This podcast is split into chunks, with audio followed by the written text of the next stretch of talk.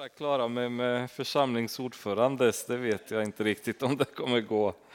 Jag behöver eh, andlig kraft här, liksom pastorn. Nej, det går jättebra. Eh, jätteglad i alla fall för bön innan dess.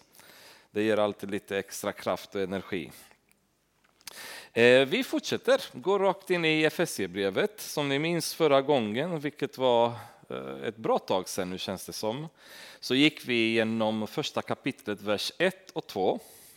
Idag så försöker vi att gasa på lite mer, även om eh, alltså det är en enorm frestelse att inte göra det. För att de här verserna är så extremt rika i så mycket undervisning. Så man skulle gärna vilja ta väldigt mycket mer tid per varje vers eller eh, splittra boken i mycket, mycket mindre delar. Men någonstans får man ha respekt för eh, lyssnarnas tålamod också. Så kanske ska vi eh, öka farten lite grann idag och om allt går väl och Herren dröjer så kommer vi förmodligen till vers 14. Så det blir en eh, riktig race vi kommer göra. Och ni ska få se vad många teman vi kommer hinna avhandla. Så eh, ni kommer gå härifrån bibelsprängda med all möjlig kunskap om så många olika områden så ingen Jehovas vittnen kan sätta er på fall efter det här, eh, den här gudstjänsten. Eh, vi kan börja läsa igen, vi läser vers 1 och 2 så har vi sammanhanget och så fortsätter vi vidare. Från Paulus genom Guds vilja, Kristi Jesu apostel, till de heliga som bor i Efesus och som tror på Kristus Jesus. Nåd vare med er och frid från Gud vår Fader och Herren Jesus Kristus. Välsignad är vår Herre Jesus Kristus, Gud och Fader, som i Kristus har välsignat oss med all den himmelska världens andliga välsignelse. Paulus inleder ofta sina brev med att eh, prata väldigt mycket om Gud, eh, få fram Guds välsignelser, Guds eh, nåd gentemot församlingarna. Och det är ett väldigt, väldigt spännande sätt att följa det och jag i, länge har sett det bara som en slags vana som man har. Han öppnar sina brev där han pratar om Jesu Kristi nåd, han pratar om Guds kärlek och så vidare. Sen kommer man ibland till de problem som var i församlingar och avhandlar dem. Och när man har vuxit upp som, eh, nu vet inte jag hur Pingstkyrkan var här en gång i tiden, men i Rumänien var kyrkorna på kommunisttiden, eh, man kan säga ganska så um, aktiva. Ehm, ganska mycket så att säga, betoning var det på hur man ska förhålla sig som kristen. Så att väldigt många predikningar i församlingen handlade om vad du ska göra för Gud. Hur du ska bete dig, vad du ska göra, vad du inte ska göra och så vidare. Väldigt sällan och väldigt lite så handlade det om vad Gud har gjort för oss. Vilket innebar att Ehm, allt eftersom åren gick så växte man som kristen med bilden av en gud som en arg gammal gubbe med en käpp i näven som slår på oss varenda gång vi gör fel. Och vi måste passa oss, vi måste verkligen vara noga att gå på rätt väg, för så fort vi avviker så får vi en smäll av Gud som heter duga. Vi kommer bli sjuka, vi kommer bli paralyserade, vi kommer uppleva ehm, så att säga, eh, penganöd, vad som helst, för Gud kommer slå oss direkt så fort vi inte gör så som han vill. Och man växte upp med den här känslan av att Gud är arg på oss och han är väldigt upprörd varenda gång vi gör fel. Därför att det betonades väldigt lite i församlingarna vad egentligen Gud har gjort för oss. Och när man börjar gräva i det som Gud har gjort för oss, för mänskligheten, så märker man att bilden av en Gud som är arg och elak är så långt ifrån verkligheten som det bara kan bli. Och när man börjar bli övertygad eh, av Guds kärlek och Guds nåd så ens reaktion blir att vilja göra gott för honom. För man blir så översköljd av den här kärleken. Eh, 1991 så hade jag en upplevelse i mitt liv då jag upplevde Guds kärlek som aldrig förr tidigare. Efter en period som var lite mer avvikande i min relation med Gud så, så gick jag bara två, tre månader senare i en period där jag bara, jag bara levde i Guds kärlek så kraftigt. Och reaktionen av den här känslan var att man började tjäna Gud mycket mer. Men den här gången utav, utan rädsla och utan att jag gör det här för att, om jag inte gör det så händer det här. Utan jag gör det här därför att jag älskar Gud. Och det är så mycket mer värdefullt när man kommer till den punkten då man lär känna Gud, man lär känna vad han har gjort för oss, eh, hur har han planerat eh, frälsningsprocessen för oss. Då börjar man bli eh, glad i sin relation med Gud. Och det är ju fruktansvärt många kristna idag, man märker även här i Sverige, kanske ibland även i vår församling, som vandrar omkring med huvudet neråt. Liksom. De är ledsna, de är trötta, de är utbrända, ehm, de är orkeslösa och så vidare. Och jag tror att någonstans på vägen också har man tappat den här känslan av vem Gud är. Eh, vem, vem är han för oss? Vad gör han för oss egentligen? Eh, och tillhör vi, tillhör vi honom eller inte egentligen? Och det Paulus inleder nu med, det är ständigt i hans brev först påpeka vem är Gud? Det här är vad Gud har gjort för er. Och han börjar med att säga välsignad är vår Herre Jesu Kristi Gud och Fader som i Kristus, nu kommer redan nyckelordet i Efesierbrevet dyker, dyker upp, i Kristus har välsignat oss med all den himmelska världens andliga välsignelser. Och här skulle vi kunna ha en väldigt lång predikan bara om den här versen. Men det, det som är häftigt i detta det är att Paulus direkt tar oss och säger att den här guden i Kristus har gett oss tillgång till alla de välsignelser som finns i den andliga himmelska världen. Välsignelserna som Paulus får fram och pratar om är inte de materiella välsignelserna som vi så gärna fokuserar på själva här på jorden.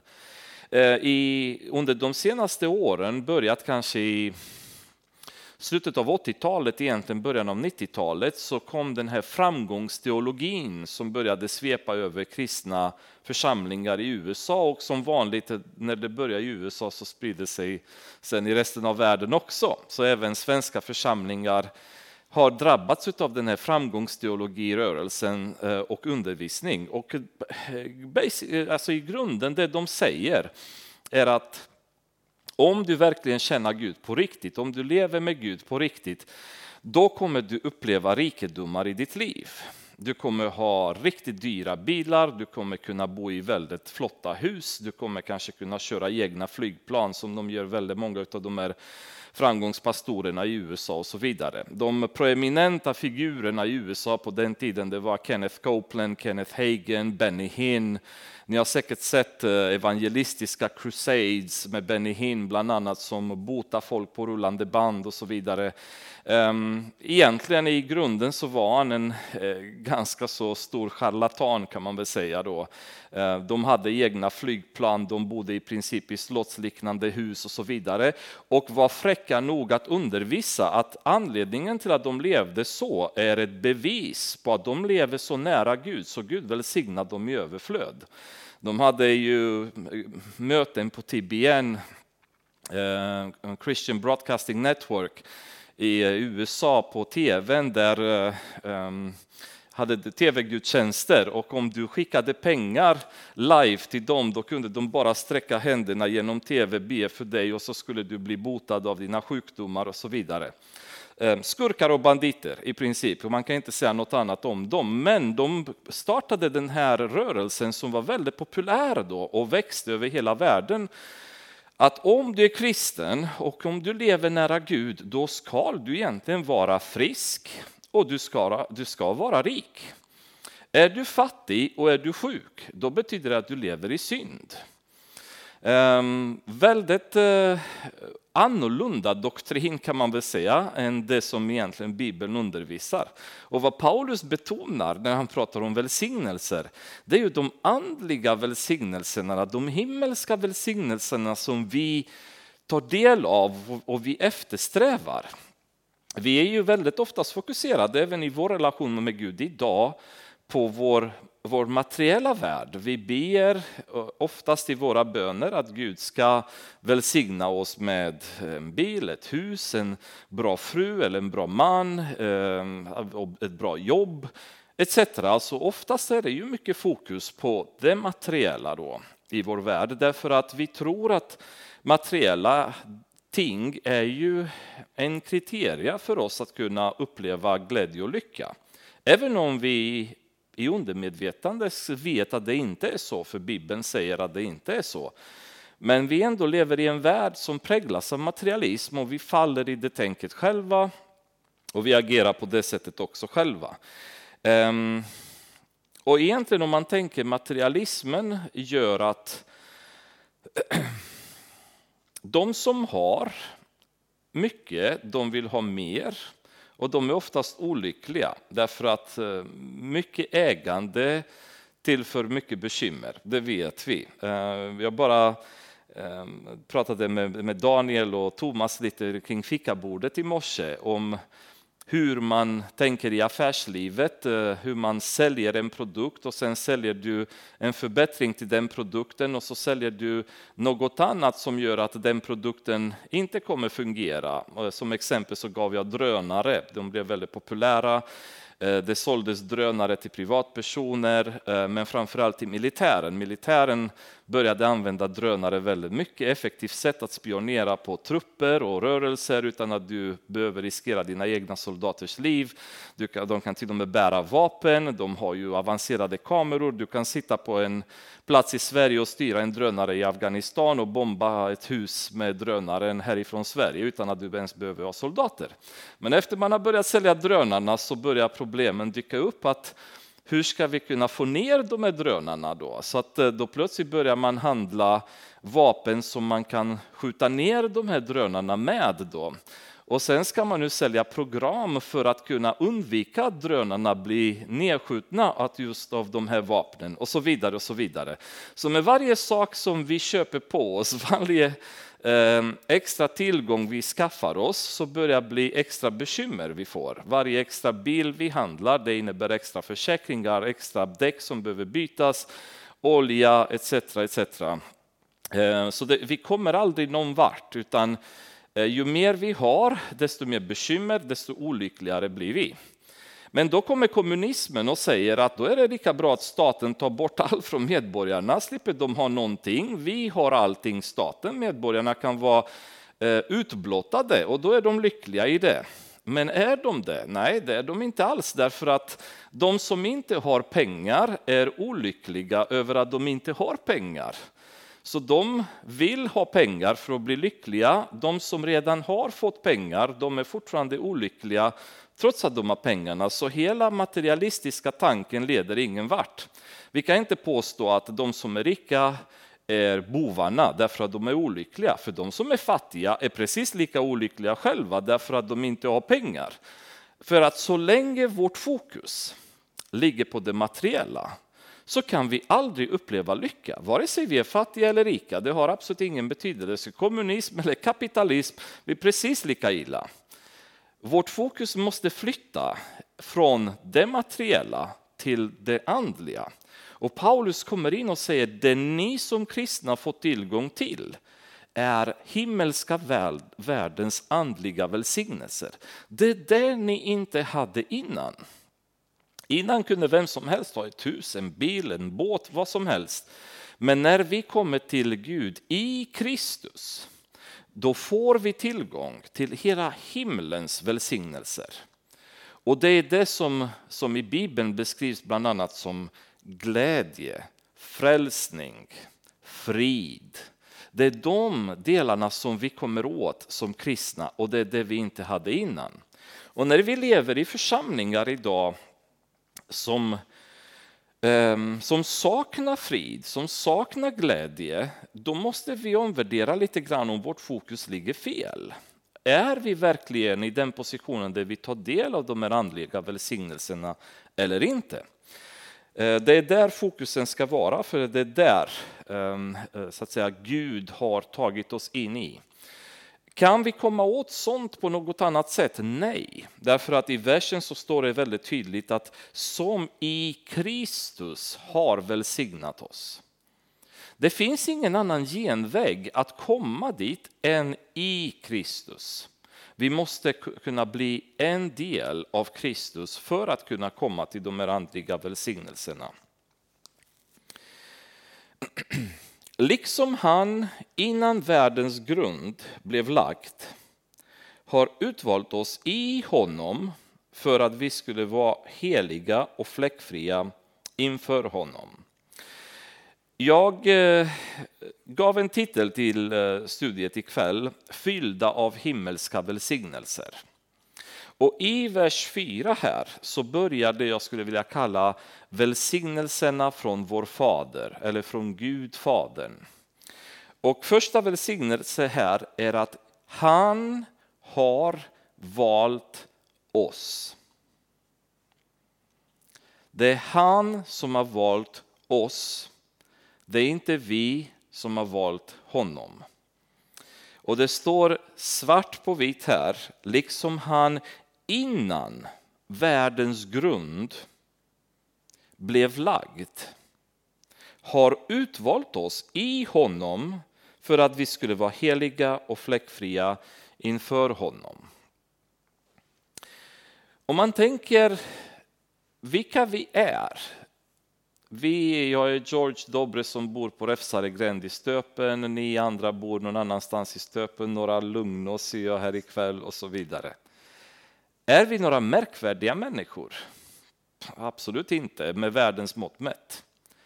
Men ändå Gud, den allsmäktige, innan världen ens har blivit skapat, har tittat och sagt George Dobre ska jag välja att följa mig. Leif Backman ska följa mig. Madeleine Claesson ska följa mig. Har utvalt oss redan innan världen har lagts till grund. Förstår vi vilken vikt vi har i Guds ögon?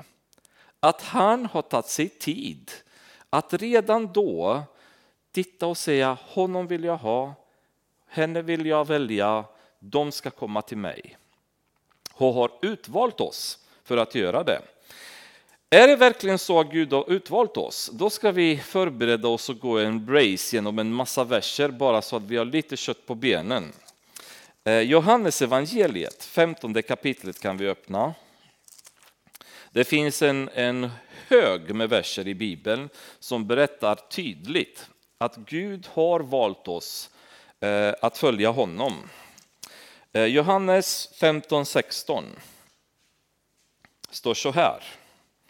Ni har inte utvalt mig, utan jag har utvalt er och bestämt om er att ni ska gå ut och bära frukt, sådan frukt som består, för att Fadern må ge er vad ni än ber honom om i mitt namn. Det är Jesus som säger detta. Vi går vidare. Romarbrevet, tredje kapitlet. Och så läser vi vers 10 och 11. 3, vers 10 och 11. Det står skrivet, ingen rättfärdig finns, inte en enda. Ingen förståndig finns, ingen finns som söker Gud. Med andra ord, inga människor av egen fria vilja söker Gud. Det är tydligt, inga sådana finns. Romarbrevet 8 kan vi vända till nu eh, och där, ligger, där läser vi en lite längre bit. Eh, vi börjar vers 28 och fortsätter vi till vers 30 tror jag räcker, kanske att vi stannar där. Vi vet att för dem som älskar Gud samverkar allt till det bästa, för dem som är kallade efter hans beslut. Ty de som han i förväg har känt som sina har han också förutbestämt till att formas efter hans sons bild för att sonen ska vara den förstfödde bland många bröder. Och de som han har förutbestämt har han också kallat. Och de som han har kallat har han också förklarat rättfärdiga. Och de som han har förklarat rättfärdiga har han också förhärligat. Så Gud har från världens begynnelse tittat och valt några. De som han har valt har han sedan kallat. De som han har sedan kallat har han förklarat rättfärdiga och de som har blivit rättfärdiga kommer sedan bli förhärligade. Det är Guds predestinationsplan eller förutbestämmelseplan. Då. Han planerar allt från början. Vi går vidare, Romarbrevet kapitel 9.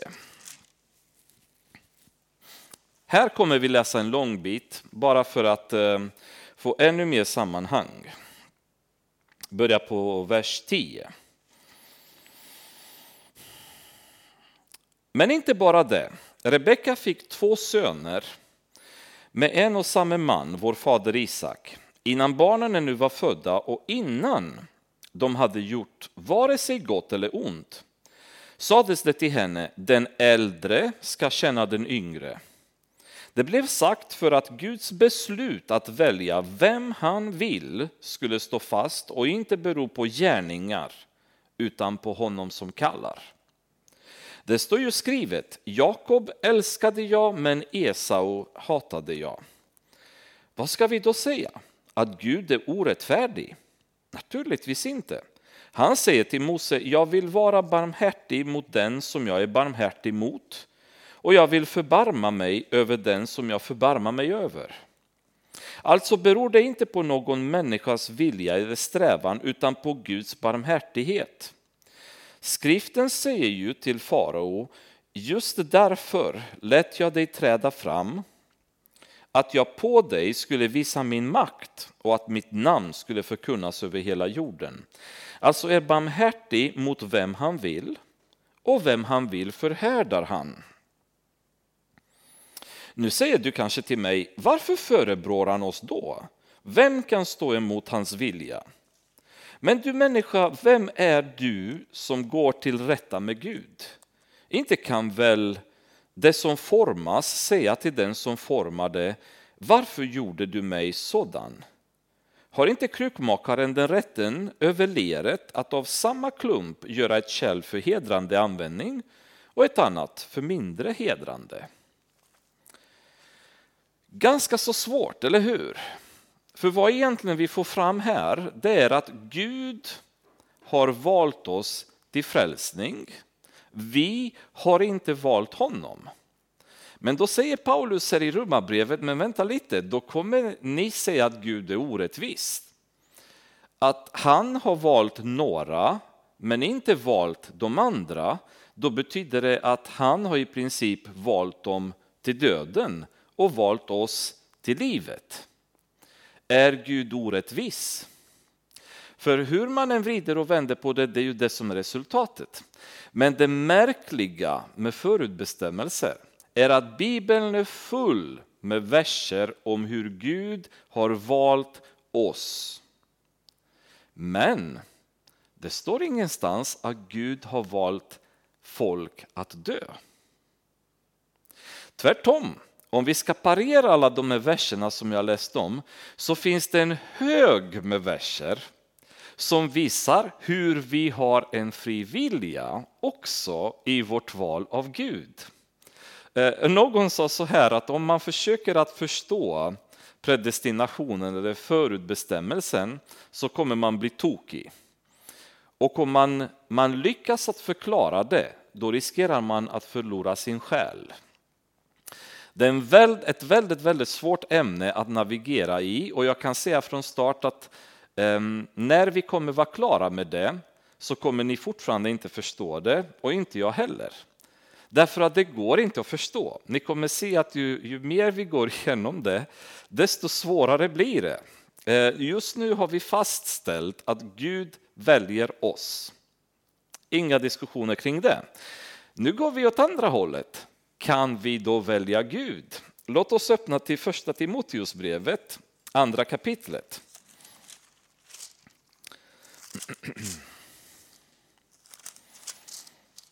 Och då läser vi vers 3 och 4. Då står det så här.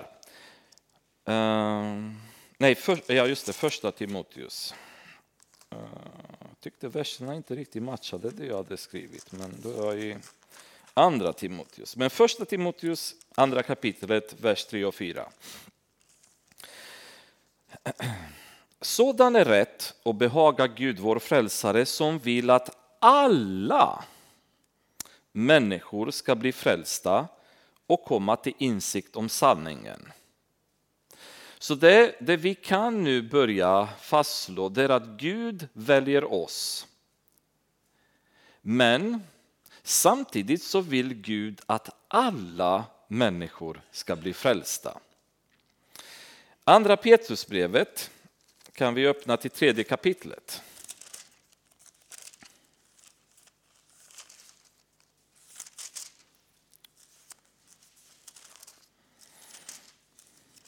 Tredje kapitlet tar vi vers 9.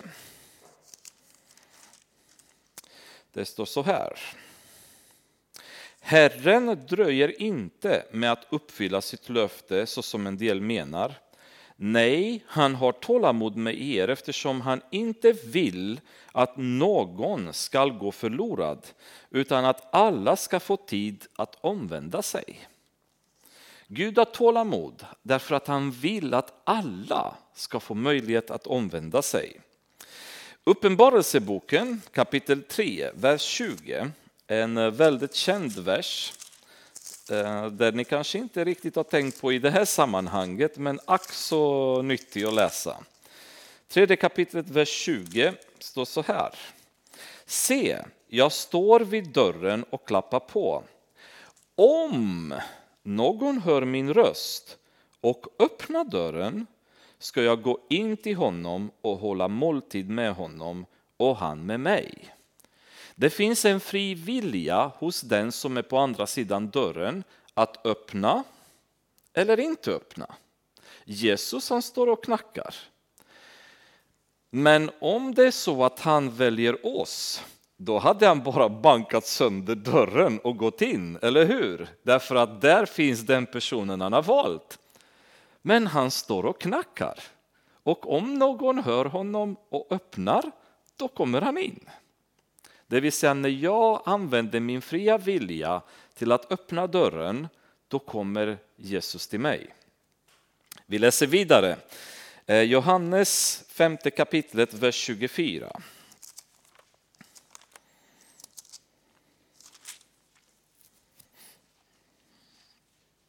Amen, amen, säger jag er. Den som hör mitt ord och tror på honom som har sänt mig, han har evigt liv och kommer inte under domen utan har övergått från döden till, havet, till, till livet. Den som hör mitt ord och tror på honom, en fri vilja, jag hör, jag tror. En väldigt intressant vers är Hesekiel 18 kapitlet, eller några verser snarare.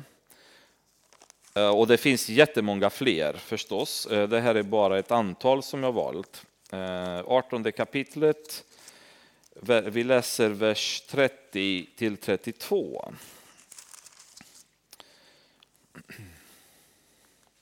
Därför ska jag döma er, var och en efter hans gärningar, ni av Israels hus, säger Herren, Herren.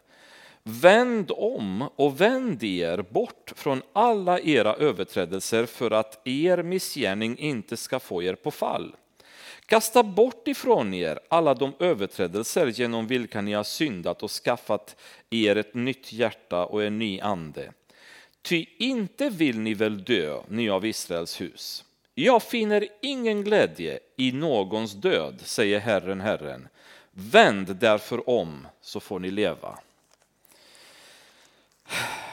Hur tolkar vi detta? Man kan säga att i historien så har de här eh, åsikterna definierats eh, som två rörelser. Den ena som tror på full predestination som går under namnet kalvinism och en annan som tror på full fri vilja som heter arminianism. Och de här två rörelserna har slått blodigt med varandra genom seklerna.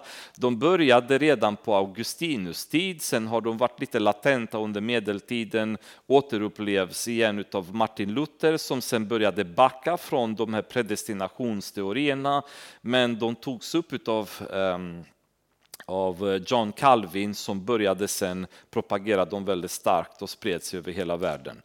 Um, Intressant nog dock så i Sverige så har vi varit ganska skonade från det kriget. Det kriget har varit väldigt, väldigt aggressivt i framförallt anglosaxiska länderna, England, USA etc. Men utan någon anledning så har Sverige klarat sig undan, vilket är ju tack och lov, därför att det har skördat så många skador, de här krigen kring de här två åsikterna. Och Personligen så vill jag innan vi exemplifierar vidare berätta en story om två romerska soldater som vänder sig eller kommer tillbaks hem efter ett krig. Eh, de hade kämpat flera krig tillsammans eh, bredvid varandra och på väg hem så närmade, närmade de sig eh, Italien eller man säger Rom, eh, gamla Rom. Och på vägen så hittade de en staty.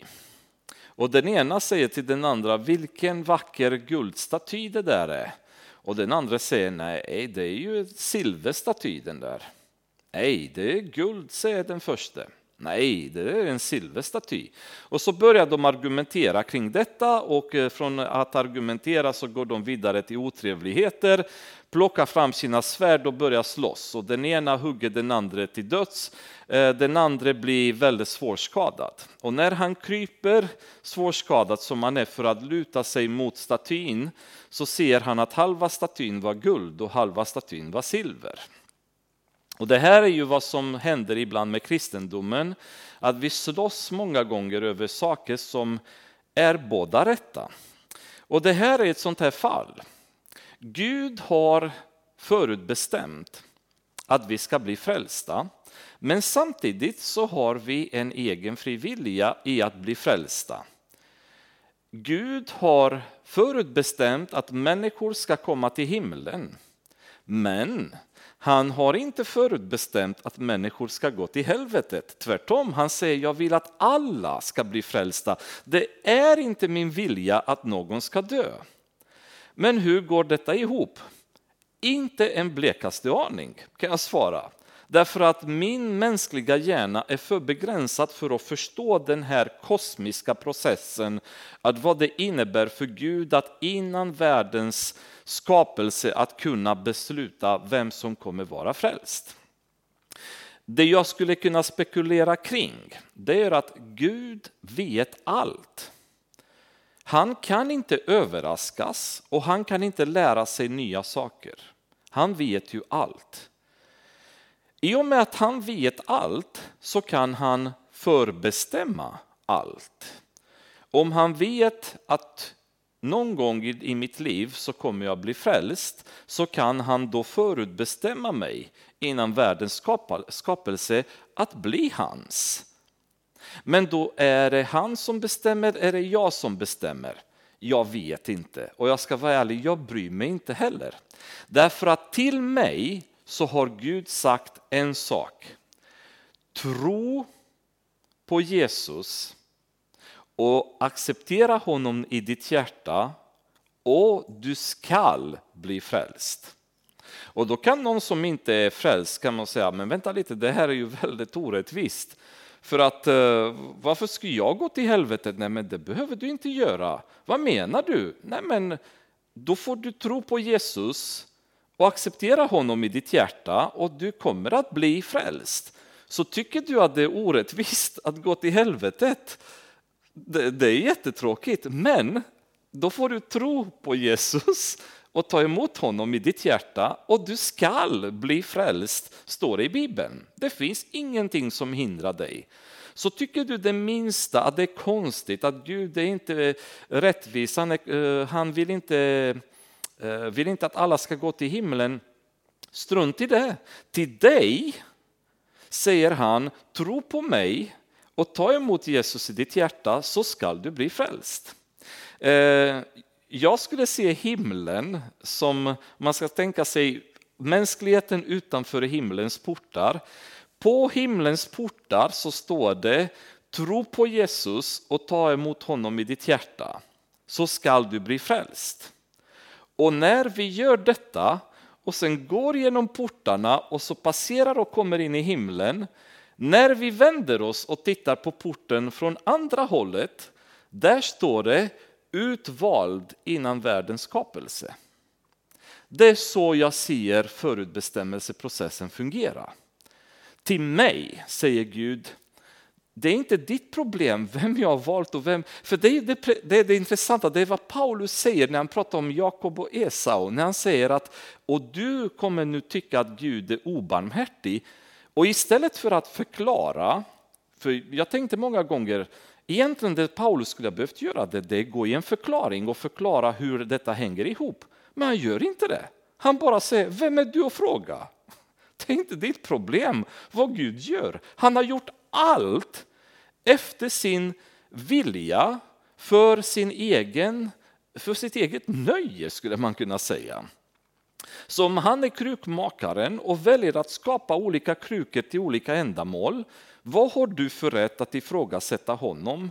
Varför han har skapat dig till en balja, ett badkar och någon till en, ett fint glas som du använder och dricker vin ur. Han, han gör precis vad han vill, han är krukmakaren. Du har inte ens någon rätt att fråga.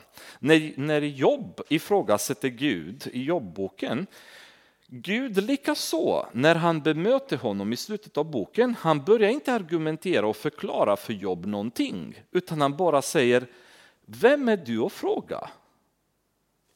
Det är Guds inställning. Vem är du att ifrågasätta vad jag gör? Jag som har skapat allt detta. Så jag bryr mig inte om Gud har valt mig eller inte valt mig. Det enda jag bryr mig om det är tro på Jesus. Det är det jag vill göra. Det är det vi ska göra. Det är det vi ska propagera för människor.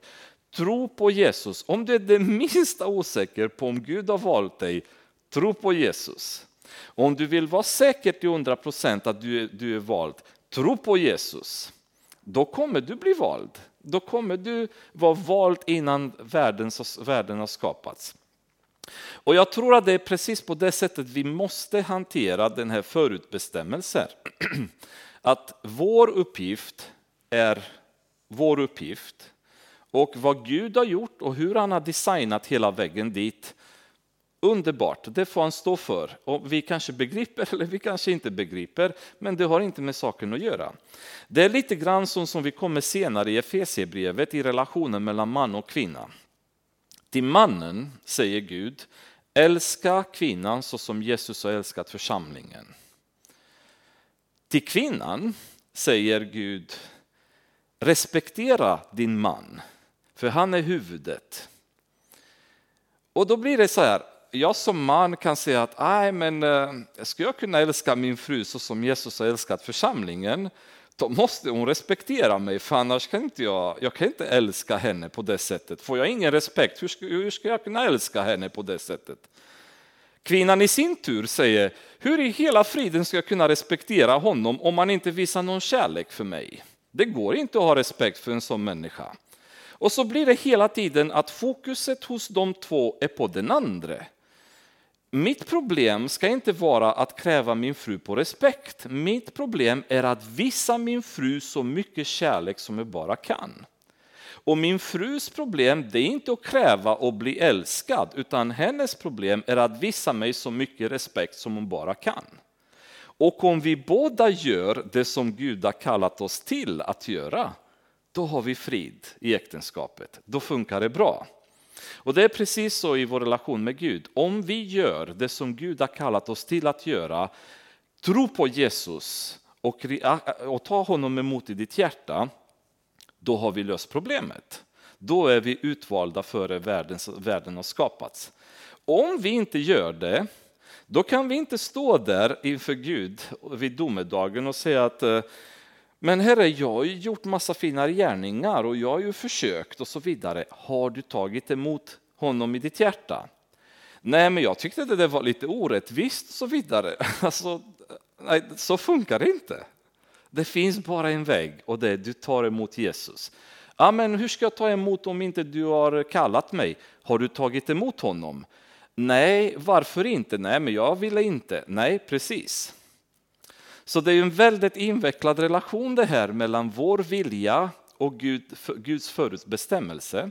Men vi kan vila i detta att vi kan inte lägga oss i hur Gud arbetar. Däremot så kan vi lägga oss i hur vi beter oss gentemot honom. Så vårt mål ska vara att tro på Jesus, leva gott, följa honom, följa hans påbud. Resten får Gud sköta. Vem som har valt och hur och när och så vidare. Eh, jag kan köpa vad som helst bara jag kommer till himlen. Sen, hur processen har gått för att ta mig dit är mindre relevant för mig. Har jag kommit dit? Har jag kommit genom portarna? Har jag kommit från mörker till ljus? Fine med mig, underbart och mer behöver inte jag veta. Men ifall ni eh, snubblar över människor som vill veta detta, då har ni lite ett sätt att argumentera. Eh, men det är inte ett begripligt ämne därför att det blir så otroliga dimensioner att förstå det här med hur Gud tänker, hur Gud kan se hela historien samtidigt. Allting pågår samtidigt i hans värld, där tid finns inte i hans värld.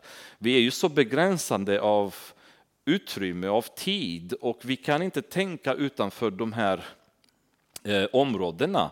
Men i Guds värld, det finns inte tid, det finns inte en början, det finns inte ett slut. Han har alltid funnits, han är evig. Så hela, hela det konceptet är obegripligt för oss. Det, det, går inte att tänka oss med hans tankar och hur han ser. Men det vi kan lita på är att Gud är rättvis och Gud är full av kärlek. Han kommer aldrig vilja förkasta någon som vill ha Gud. Det finns ingen människa i världen som kommer kunna stå inför Gud och säga Herre, jag har velat så mycket att följa dig och du har inte låtit mig att göra det. Den, det fallet kommer inte existera. Därför att alla som söker honom skall finna honom, har han lovat. Ingen ska kunna känna sig orättvist behandlad. Alla som söker Gud kommer finna honom därför att han vill låta sig finnas. Han vill att vi kommer till honom. Om han, är ju, om han inte skulle ha velat det, varför skulle han ha gått igenom hela charaden med att tillåta synden i världen? Med att sen behöva offra sin egen son för att dö för oss när han, han har ändå planerat allting och vi har ingen möjlighet att påverka själva. Det, det, det, håller inte ihop på något sätt. Så det faktum att han har gjort så mycket för oss, han har offrat så mycket för oss, det visar oss tillräckligt att han vill ha oss, att han vill att vi blir frälsta. Vi går vidare från det att han har valt oss till vers 5, att han har också adopterat oss. I sin kärlek har han genom Jesus Kristus förutbestämt att vi skulle tas upp som hans barn enligt sin vilja och sitt beslut. Man måste också förstå att Gud har enbart en son och det är Jesus Kristus. Han har inga fler barn. Det han har gjort är att genom Jesu Kristi offer så har han nu tillåtit oss att bli hans barn. Han har adopterat oss i sin familj. Så det är inte bara att vi, till skillnad från många andra religioner som säger att ah, vi har den guden och vi känner honom. Gud säger ni har blivit mina barn.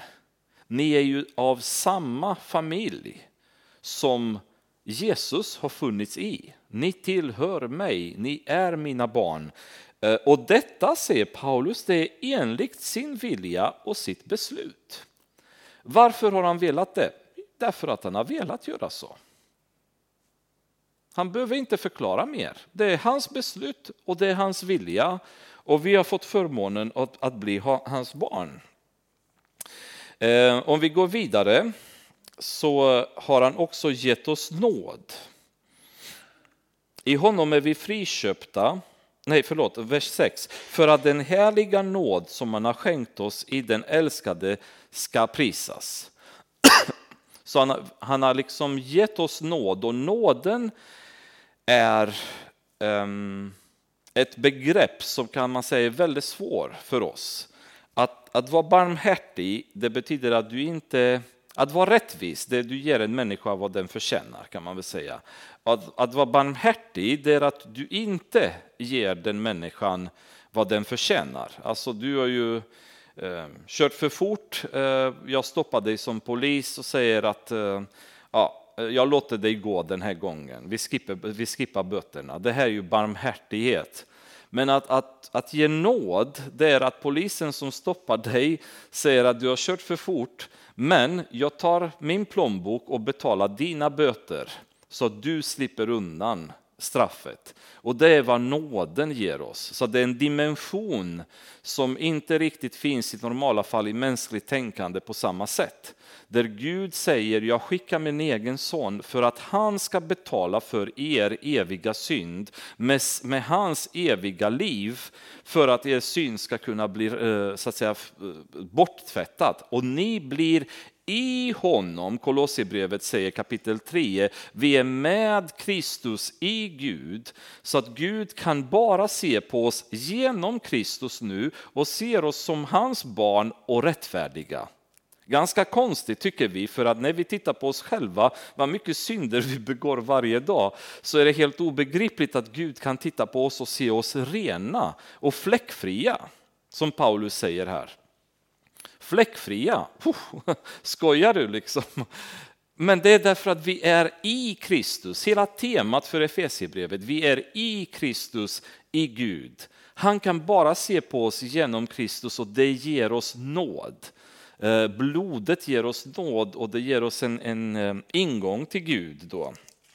Och det är väldigt, väldigt härligt att ha det. Sen från det som Gud har gett oss så kommer vi till lite välsignelse som Jesus, eller Guds sonen, ger oss. I honom, kommer nu igen nyckelordet, i honom är vi friköpta genom hans blod och har förlåtelse för våra synder på grund av den rika nåd som han har låtit flöda över oss med all visshet och insikt. I honom är vi friköpta. Alltså på den tiden så var det i eh, romerska riket ungefär 60 miljoner slavar. Och ett väldigt vanligt sätt att bli slav var att du helt enkelt inte kunde betala dina skulder. Du eh, hade hamnat i penganöd, tagit dig vatten över huvudet, kan inte betala. Då förlorade du din frihet och blev en slav. De kunde ha krigsslavar och så vidare som de tog med sig också. Men det allra vanligaste var faktiskt folk som var för fattiga eller hade för lite möjlighet att betala sina skulder. Då fick de bli slavar, förlorade de sin frihet. Och vad Jesus har gjort då, det är att han har friköpt oss som har gått in och betalat priset med intentionen att fri eh, släppa oss därefter. Så inte köpa oss för att vi ska bli slavar under honom, utan köpa oss för att vi ska bli fria. Fria till att synda, fria till att utöva vår fria vilja och göra precis vad det behagar oss. Nej, utan till att bli fria att kunna leva ett liv med honom att kunna, kunna så att säga, använda vårt liv till gott istället för ont som vi gjorde tidigare. Vi kan öppna till Kolosserbrevet. Ehm, Kolosserbrevet första kapitlet.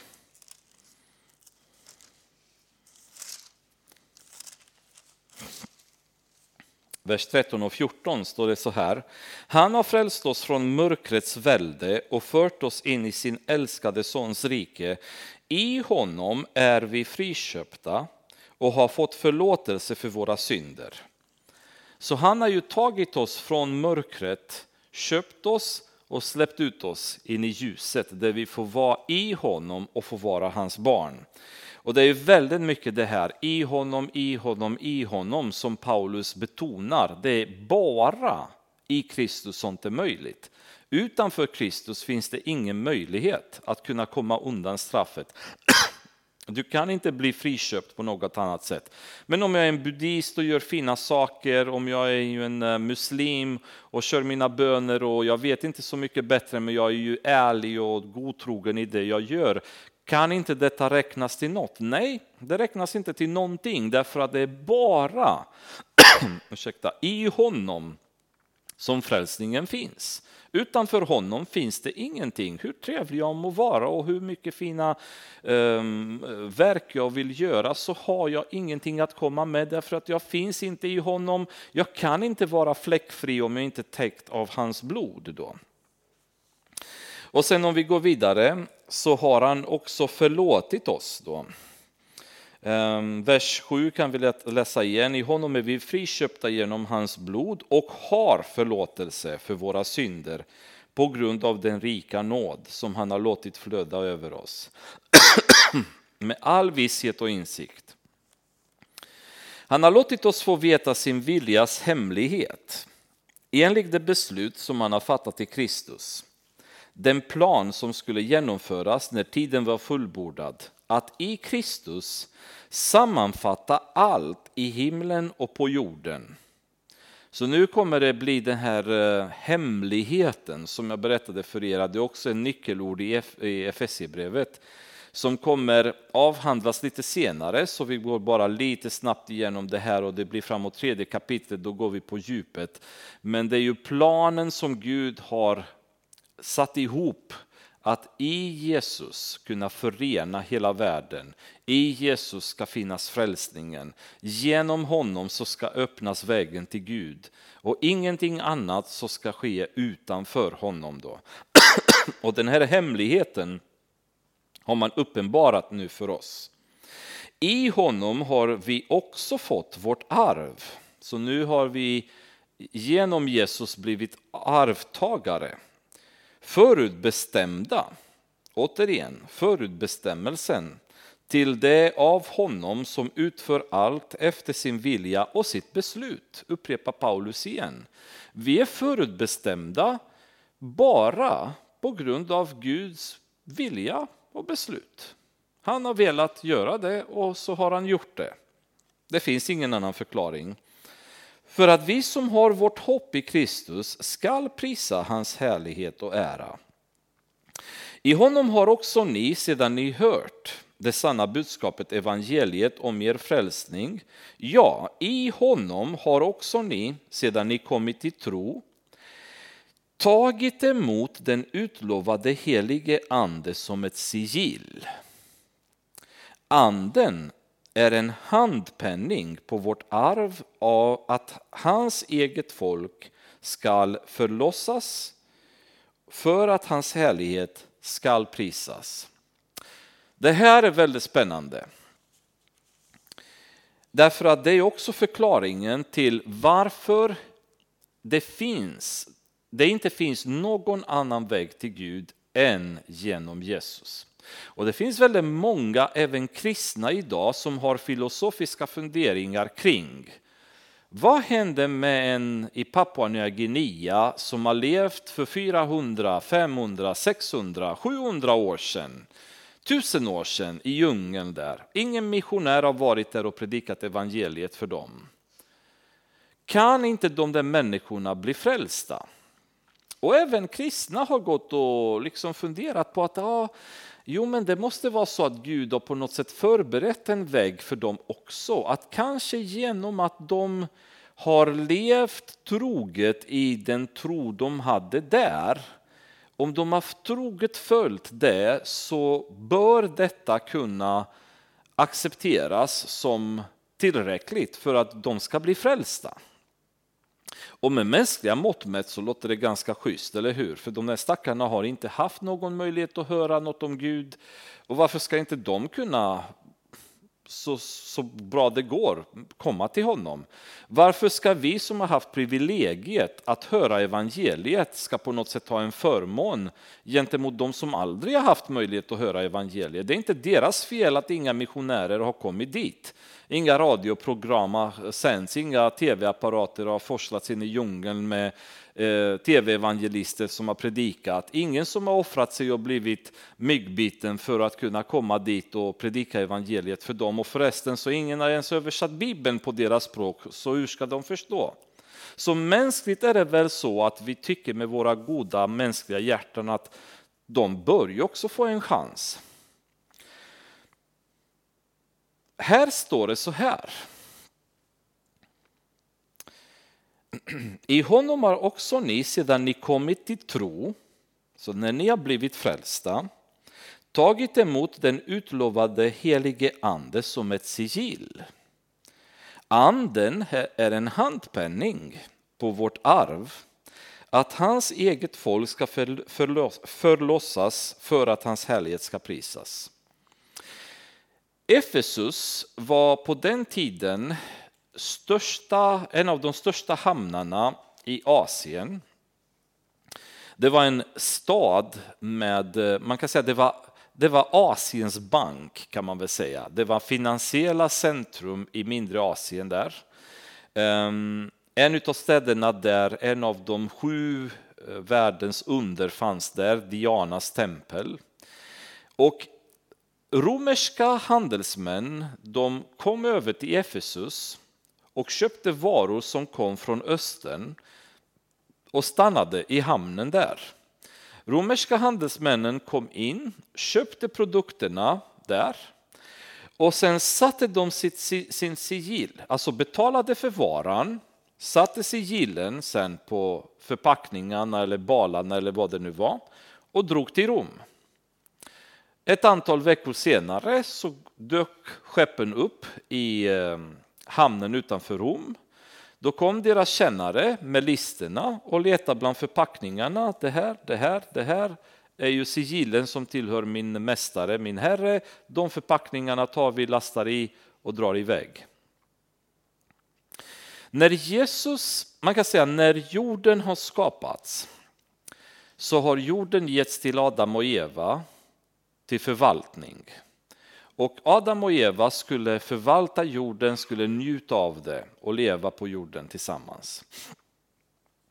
När Adam och Eva, intressant nog att påpeka, av hel fri vilja utan att ens ha synd i sitt liv vid den tiden så vi kan inte säga ibland att ah, det här med fria viljan har blivit lite konstigt när synden har kommit i världen. Fri vilja har funnits redan innan synd har kommit i världen därför att Adam och Eva utav ren fri vilja har valt att synda. När de syndade de, de lämnade över äganderätten till sig själva och till jorden till djävulen. Det är därför döden kom in i världen. De skulle dö. Just nu så tillhör de djävulen. Och jorden har lämnats över till djävulen också. När Jesus kom på korset och dog så betalade han priset med sitt blod för att kunna köpa eller friköpa oss människor som hade blivit slavar under mörkret. Återigen Kolosserbrevet första kapitlet 13-14. Från mörkret har han tagit oss. Så Jesus genom att dö på korset har betalat priset och på så vis friköpt oss från djävulen till att bli hans. Men vägen är lång tills vi kommer till himlen. Det dröjer tills vi möter Gud där. Och då vad Jesus har gjort så har han, han har sagt så här, alla dessa som jag har friköpt är mina och ingen annan får ta dem.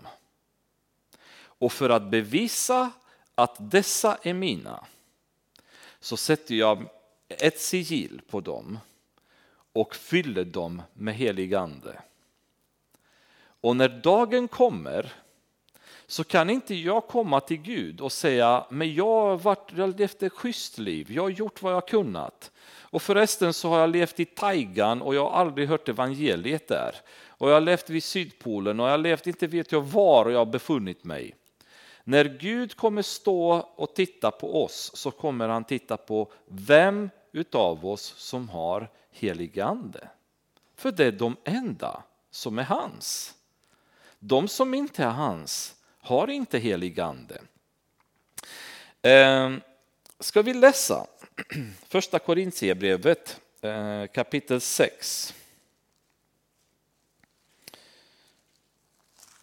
ehm, 6 och så kan vi läsa 19 och 20.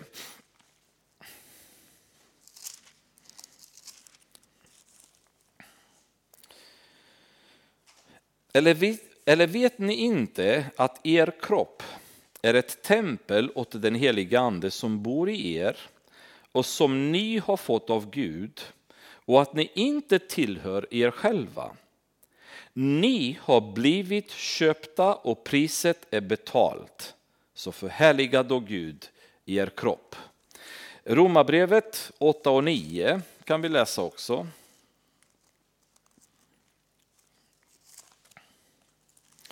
Där står så här.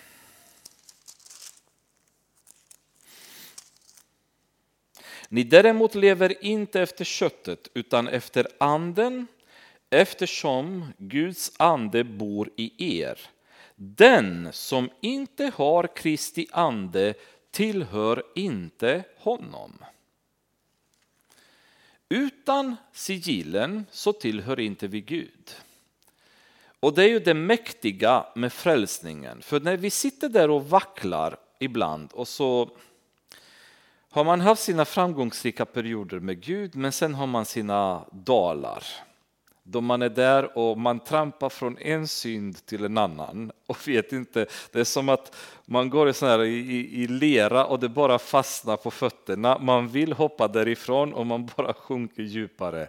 Och man bara känner att ah, nu kan inte möjligen Gud vilja ha en som jag.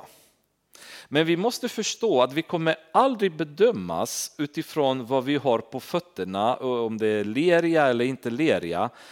Det finns bara ett sätt vi kommer bedömas efter och det är har vi helige andens sigill på oss? För om vi har det, då är vi hans. Sen att det är lite skrynklig, skrynklig förpackning i vilken vi kommer i och så vidare, det spelar ingen roll. Därför att Kolosserbrevet 3 och 3 säger att han kan bara se på oss genom Jesus. Och Jesu blod är barriären som gör att Gud kan bara se oss fläckfria.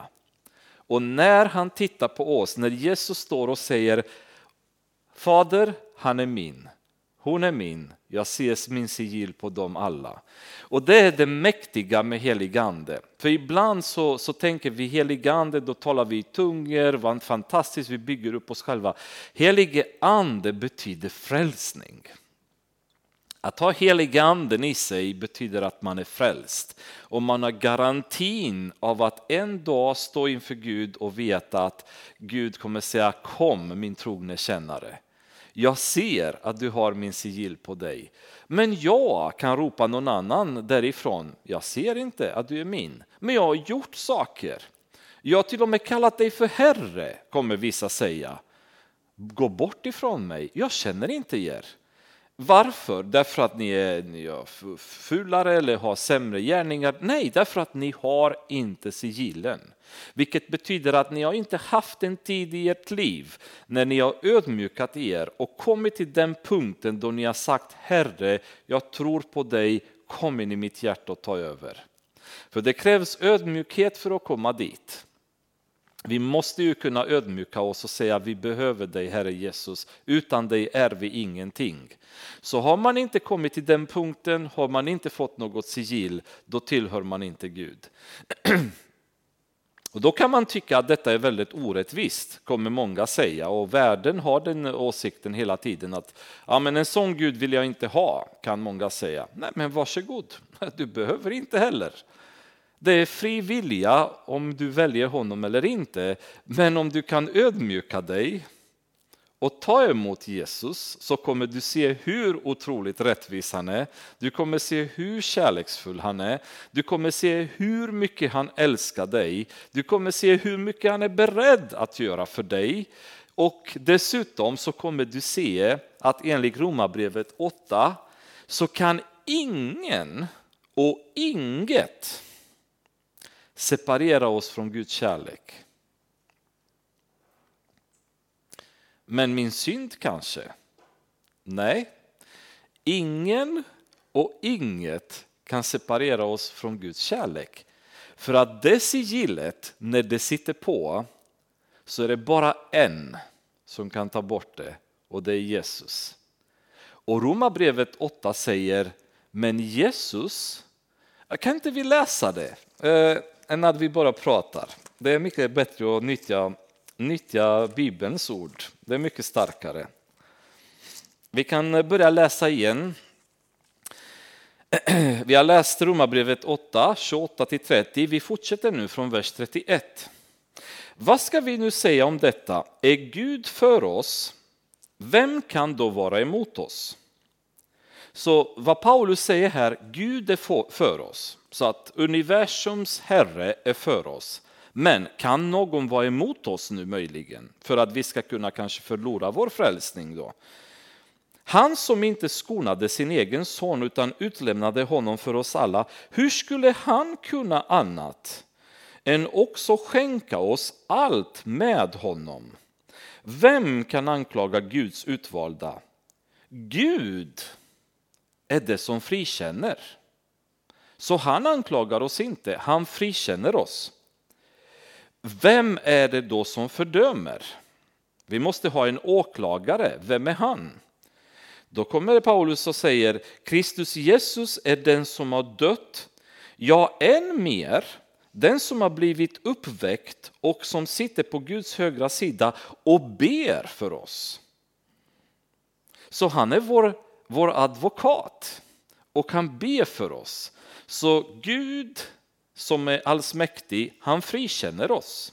Jesus, Guds son, han ber för oss, han är vår advokat. Vem kan skilja oss från Kristi kärlek? Nöd eller ångest, förföljelse eller hunger, nakenhet, fara eller svärd. Det står ju skrivet, för din skull dödas vi hela dagen, vi räknas som slaktfår. Men i allt detta vinner vi en överväldigande seger genom honom som har älskat oss. Ty jag är viss om att varken död eller liv, varken änglar eller furstar, varken något som nu är eller något som skall komma, varken makter, höjd eller djup eller något annat skapat ska kunna skilja oss från Guds kärlek i Kristus Jesus, vår Herre. Varför? Därför att vi har ett sigill på oss. Och så länge det sigillet finns kvar där så kan ingen och inget förhindra oss att möta Herren och bli hans. Det finns bara en som kan ta bort sigillet, men han som kan, han har dött för oss och betalat med sitt blod. Inte kommer han ta bort det sigillet. Han låter det sitta kvar. Och han låter det sitta kvar och kämpar att behålla de här varorna. Han står på vår sida varje dag. Han kämpar med oss varje dag för att låta oss få komma till den punkt där han kommer säga Kom mina trogna kännare. Och för mig är det här trösten. När jag varit vacklande i mitt liv och varit rädd om att jag inte var frälst så har jag upplevt att bristen på säkerhet i min frälsning gjorde att jag var handikappad i min relation med Gud. Den dagen jag förstod frälsningsprocessen och nu när vi förstår att Gud innan världens begynnelse har förutbestämt oss. Han har lagt undan oss. Jesus sen kom, dog för oss, friköpte oss, markerade oss med sitt heliga ande, med sitt, sitt sigill för att sen vi kunna komma till honom och vara hans. Då kan jag luta mig tillbaka och känna att nu kan jag bara fokusera på att känna honom. Ja, jag kommer falla, ja, jag kommer vackla. Men Jesu blod är kraftig nog att kunna ta hand om detta. Um, är min fria vilja en fri vilja till att synda? Nej. Därför att som kristen, när man har en fri vilja, är vår fri vilja till något gott.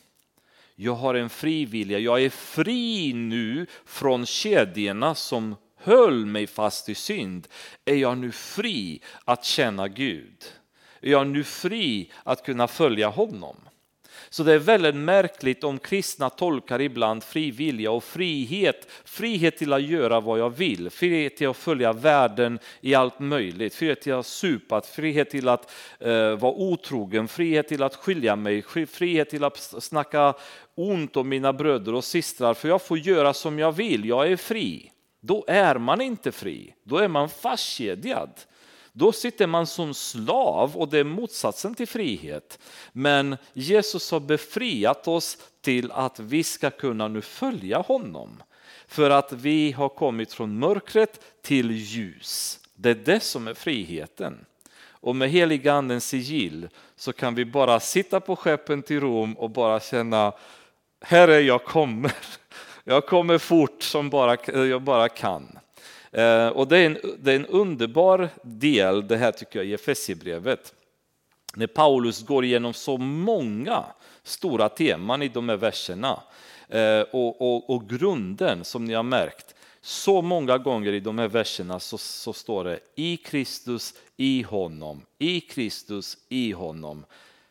Utan honom är vi ingenting. Utan mig kan ni inte göra något, säger Jesus. Herre Jesus, vi tackar dig för frälsningen. Den underbara känslan att veta att vi tillhör dig. Tack för din heliga Ande. Jag tackar dig för att vi har den här sigillen i våra liv och jag ber så mycket att eh, heliga Anden ska öka sin aktivitet i våra hjärtan, Herre. Mer och mer av dig ska synas och tillväxten ska öka, Herre. Um, vi har en bit kvar tills vi kommer till dig i himlen, tills vi kan ta över alla dessa himmelska välsignelser som du har förberett för oss, Jesus. Och tills dess så ber jag dig att hjälpa oss att fortsätta och förhärliga oss, att fortsätta och leva rent, att fortsätta och följa dig in i allt som du har, du har velat att vi ska göra, Herre. Låt oss vara medvetna om vad du har gjort för oss så att vi kan få kraft också göra saker för dig utav glädje, utav entusiasm, Herre. Inte utav en börda och elände, utan bara känna att det är roligt att följa dig.